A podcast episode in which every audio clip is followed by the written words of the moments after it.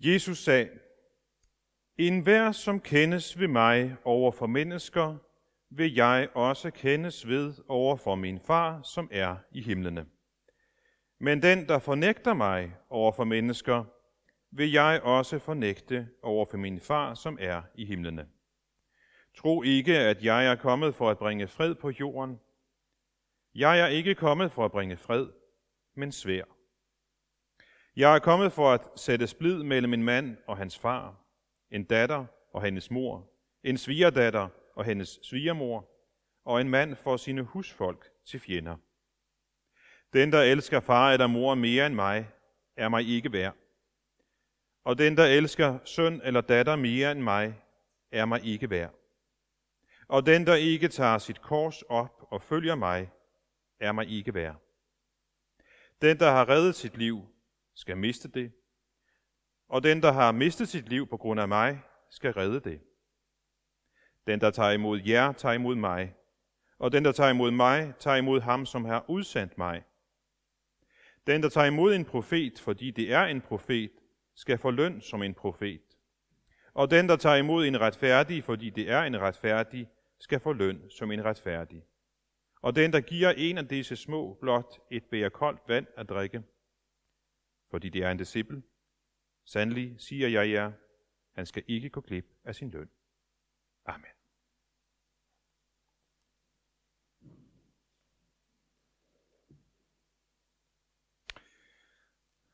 Her ser I, som jeg nævnte i indledningen, et billede fra midt i Ægypten. Det var et møde, vi havde med øh, lokale kristne. Heldigvis var den øh, bevæbnede politibetjent, der fulgtes med os hele tiden, gået hjem på det her tidspunkt. Så han opdagede ikke, at vi havde det her møde. Vores guide var ellers lidt bekymret for, hvordan i alverden skulle hun skjule over for betjenten, at vi mødtes med lokale kristne, fordi betjenten troede bare, at vi var turister. Men heldigvis så boede han i nærheden og var gået hjem. Lige bag mig her kan I se en kvinde. Det er vores guide. Hun fortalte os, at for nogle år siden blev en præst i Ægypten stanset i sin bil. Med pistolen for panden blev han spurgt, om han ville fornægte sin kristne tro. Da præsten ikke ville fornægte sin kristne tro, blev pistolen rettet mod hans datter, som sad på bagsædet. Da præsten bad om, at datterens liv blev skånet, selvom man ikke ville fornægte sin kristne tro, skød de datteren. Det rørte mig dybt at høre den historie. Det rørte mig også meget dybt at høre dem her fortælle, at de typisk går efter præsters familie. Især præste døtre. Jeg har en datter på 16. Hun vil være et oplagt emne til angreb. Især kidnapning, tvangskonvertering og tvangsgiftning. Gør det for, at de kristne skal, og præsterne skal miste frimodigheden til at forkynde det kristne budskab. Miste formodigheden til at kendes ved Jesus over for andre mennesker, som vi hørte i teksten. Mødet med disse kristne, som tør vedkende sig Jesus, selvom det er farligt. Og det var det, jeg var meget imponeret over. Vi sad til møde i fire timer med dem, og næsten alle de fire timer gik med, at de fortalte om alt deres arbejde. Masser af arbejdsgrene. De gør over for børn og kvinder og mænd og udsatte af forskellige slags. Det fik mig at tænke over, hvad gør jeg selv? Jeg kunne stille mig selv spørgsmålet, vil du vedkende dig, Jesus, over for andre mennesker? Vil du være ham bekendt? Også selv om det koster dig noget. Ja, om det så skulle koste dig alt. I yderste konsekvens selve livet. Det kan jeg spørge mig selv, men det kan du også spørge dig selv. Vil du vedkende dig, Jesus, over for andre mennesker? Vil du være ham bekendt? Også selvom det koster dig noget. Jeg håber aldrig, at nogen af os nogensinde kommer i en situation, der overhovedet står i nærheden af det, jeg har fortalt jer lige nu. Om hvad præsten oplevede i Ægypten, og hvad andre kan opleve. Men Jesus siger til os i teksten i dag, at spørgsmålet om, vi vil kendes ved ham eller ikke, det er et meget, meget afgørende spørgsmål.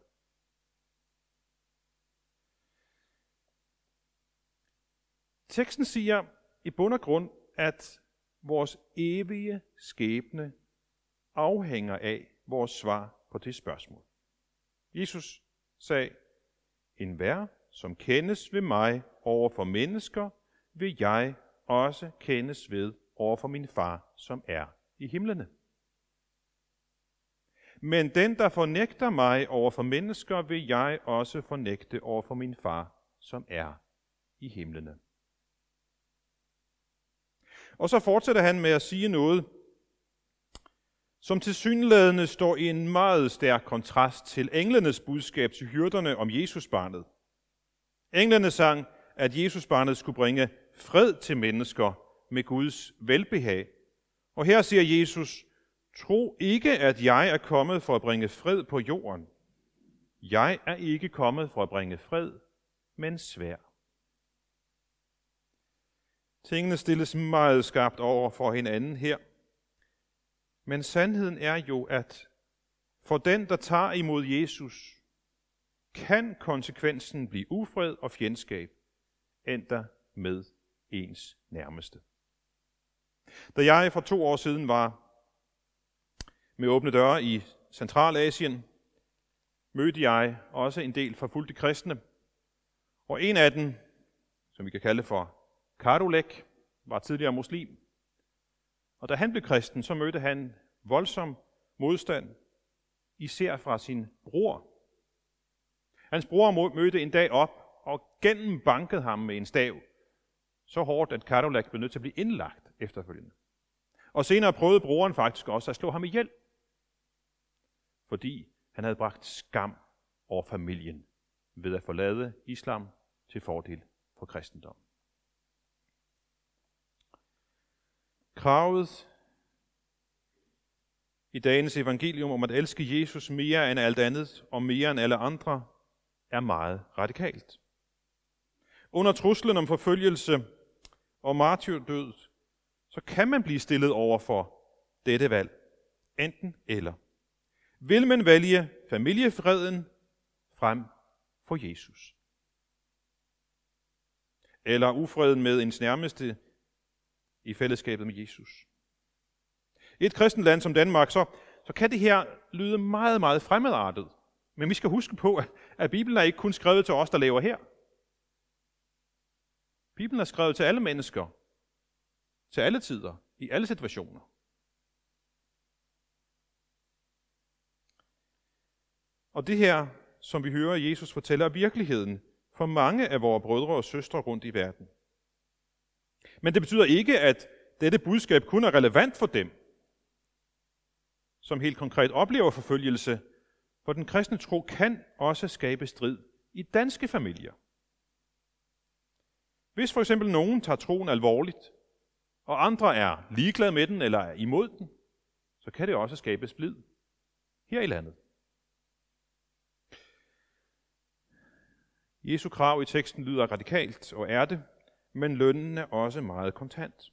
Den, som vil redde sit liv, mister det, men den, der er parat at sætte sit liv på spil, frelser det og får del i det evige liv til Jesus. Det var alvor for de første kristne. De vidste af konkret erfaring, at deres tro på Kristus kunne medføre ufred, lidelse og død. Så vidt jeg ved, er det kun en af Jesu disciple, der døde en naturlig død. Alle de andre blev slået ihjel for deres tro på Jesus. Den fred, som englene sang om julenat, det er ikke det samme som et liv uden kampe og uden konflikter. Den fred, Jesus kom med, er først og fremmest en fred med Gud. En fred i vores sjæl, en fred i vores samvittighed. Så den fred, den indebærer kamp mod alle de magter, der står Gud imod. Ligesom hvor Herre Jesus kom ind i vores verden for at føre kamp mod synden, døden og djævlen, sådan er vi som hans disciple også draget med ind i den kamp. Når vi fejrer jul, når vi fejrer Guds søns fødsel i verden, så udtrykker vi også egentlig, at den virkelighed, som blev født julenat, den vil vi gå ind i. Den vil vi være en del af. Vi vil leve med ham, som kaldte sig selv for sandheden. Men så bliver vi også inddraget i sandhedens kamp. Vi bliver pludselig sat midt i konflikterne, der hvor lys og mørke mødes og kæmper om, om overtaget. Der hvor Jesus kommer med sandhedens lys, der vil mørket gå til modangreb. Det er naturlov, som kristne over hele verden kan ikke genkende til. Der hvor evangeliet forkyndes, så mennesker hører Guds ord og tager imod det, der vil mørkets magt regere stærkt. Så juledag, juleaften og anden juledag hænger sammen. Julens budskab må vi tage stilling til, og det er det, som evangeliet til anden juledag handler om, at tage stilling. Og det kan medføre konflikter og kampe. Og de kampe, de findes ikke bare sted ude i verden.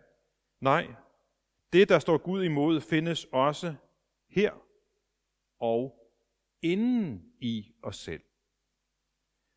Det, der er synd og ondskab også i vores liv, som vi selv må kæmpe imod. Men midt i vores kamp mod synd og ondskab, så kan vi hente stor trøst og mod og kraft i evangeliet om, at Jesus allerede har vundet sejr over djævlen. For julen viser os, at Gud ville vide af os, hans faldende menneskeslægt. Han ville kendes ved os. Det ser vi, at han lod sig føde og blive vores frelser. Hans kærlighed tvang ham til at tage det sidste skridt og ikke vige tilbage, når det galt. At kendes ved ham er derfor ikke blot at kendes ved barnet i krybben. Det lille søde Jesusbarn er jo kun begyndelsen til det, der førte til døden for vores skyld. Der går en lige vej fra krybbe til kors. Ligesom vi følge Jesus må også være parate til at lide for hans skyld. Ligesom han bekendte sig til os, sådan må vi også bekende os til ham. Men vi vil nok helst have sejren uden kampen. Vi vil nok helst have kronen uden korset. Vi vil nok helst have livet uden døden. Men her tager vi fejl. For julen kan ikke isoleres fra påsken. Barnet i krybben voksede op og endte som manden på korset. Vi hørte også om Stefanus. Han er et godt eksempel på en kristen, der trods al modstand og forfølgelse holdt fast ved troen på Jesus indtil til sidste. Han aflagde et stærkt vidnesbyrd om Jesus. Han vidnede frimodigt om Jesus, selvom det kostede ham livet. Han blev kirkens første martyr. Et ord, som betyder vidne. Han er den eneste martyr, som vi stadig mindes efter reformationen. Men i vores tid er der rigtig mange martyrer. Altså mennesker, der har mistet deres liv på grund af den kristne tro. I morges, da jeg sad og forberedte min prædiken, så tænkte jeg, lad mig lige gå ind på Åbne Døres intranet. Jeg er en af deres foredragsholdere, så jeg har adgang til deres intranet. Og så så jeg, at den nyeste historie, de har lagt ud, den er blevet lagt ud klokken 8 her i morges, eller 7 tror jeg, hvis nok det var. Det var fra Nigeria. Her har vi Nigeria, og her, der hvor pilen peger, ligger der en lille kristen landsby. Da vi sad og spiste andesteg eller flæskesteg, eller hvad vi nu hver især sad og spiste juleaften i år, så stormede en gruppe Boko Haram krigere i jeeps og motorcykler ind i den kristne landsby, Kabarangulum. Og den ligger der, hvor pilen er nu. De skød efter de flygtende indbyggere. De satte ild til husene, efter de havde røvet deres mad. Og en af de lokale, David Bitrus, han fortæller til åbne døre, at de slog syv mennesker ihjel og kidnappede en ung pige. De stjal mad, brændte mange huse, inklusiv kirken. Det skete juleaften for to dage siden. Det er anden gang i år, denne landsby er blevet angrebet af Boko Haram. De var der også i april og gjorde det samme. Dræbte, stjal mad og brændte huset ned, raserede landsbyen.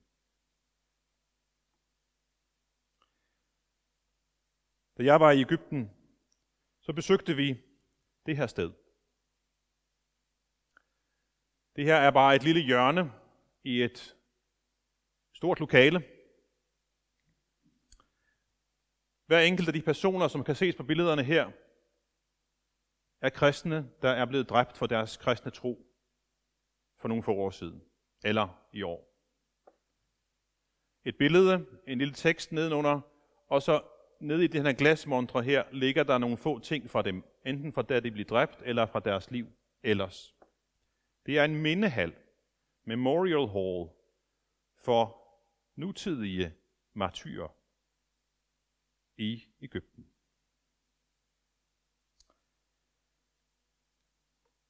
For de egyptiske kristne er martyret ikke en fjern fortid. Det er en reel mulighed. Og netop juletiden er en af de, ja, om man så må sige, en højtid for kirkebumpninger. Så nogle af de her mennesker blev slået ihjel, fordi de var til julegudstjeneste.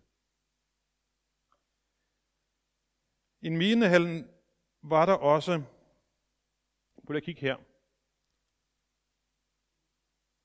Kan I se, hvad det er? Det er tomme montre.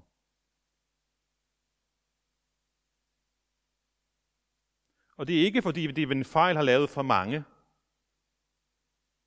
Det er fordi, de ved, der kommer flere. Kampen er ikke forbi. Og mit møde med de forfulgte kristne har lært mig, at i den forfulgte kirke, så er de klar over, at de er i vanskeligheder, og de går til Gud med problemerne. Spørgsmålet er, om vi i den vestlige kirke har glemt, at vi også står i en kamp, eller om vi glemmer at gå til Gud med problemerne. Hvilke kampe gør de os opmærksom på? Jo, jeg tror, at for det første så kan vi blive mindet om den kamp, vi altid står i. En hver, som besøger den forfulgte kirke, går derfra med fornyet forståelse af den åndelige kamp, som vi står i. Det blev vi også mindet om, da vi var i Ægypten. Pas på det. Vi må kæmpe med vores, mod vores modvillige hjerter, som hænger fast ved synden og ikke har lyst til at stå ansigt til ansigt med Gud. Vi kender det for eksempel fra, hvorfor det skal være så svært at tage sig sammen til at bede. Det er vores hjerte, der er modvilligt. Der er en kamp inden i os. Vi må også kæmpe mod en forblindende verden, som blænder os og distraherer os i et forsøg på at lede os væk fra Gud. Vi må også kæmpe mod en løgnagtig djævel, som til enhver tid fodrer os med løgne. De forfulgte kristne står altid i en kamp. De kæmper hele tiden mod deres egne sønder, mod afguderne, afguderiet deres eget samfund og mod den ondes bestræbelser på at flytte tilbedelsen væk fra Gud. Men disse kampe bør også være hos os, i vores liv, i vores kirker. For Guds modstandere bor vel ikke kun i udlandet.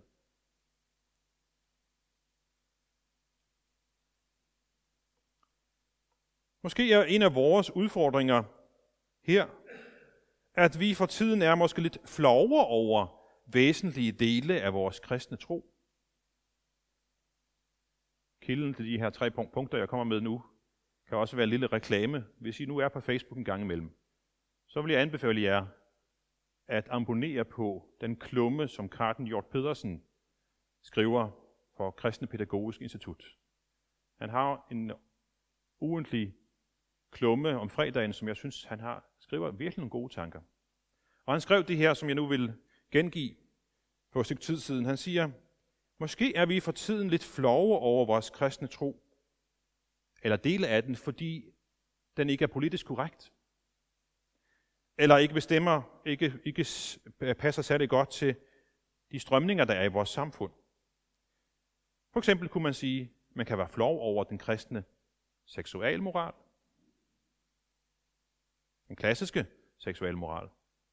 Eller man kan er flov over, eller man måske benægter man ikke, at der er frelse og fortabelse efter døden, men man siger det helst ikke til nogen.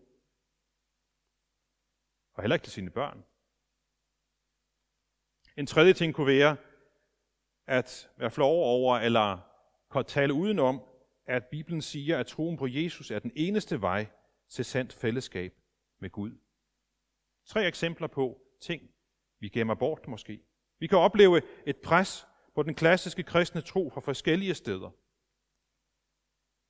Det danske samfund bliver mere og mere sekulariseret, og derfor kender størstedelen af danskerne ikke de tydelige kristne standpunkter og de tilhørende moralske standpunkter.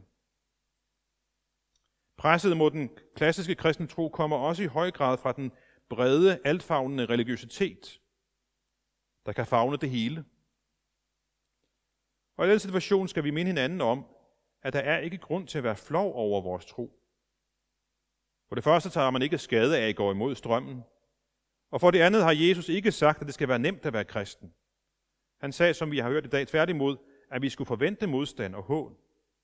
Måske er vi blevet snydt af en feel-good kristendom, som ikke er særlig bibelsk. En tredje grund til ikke at være flov over vores tro er spørgsmålet om, hvordan vil vi give vores tro videre til vores børn, så langt vi kan det, hvis vi er flove over væsentlige dele af den. Jeg gentager lige den sidste. Hvordan vil vi give troen videre til den næste generation, hvis vi er flove over væsentlige dele af den?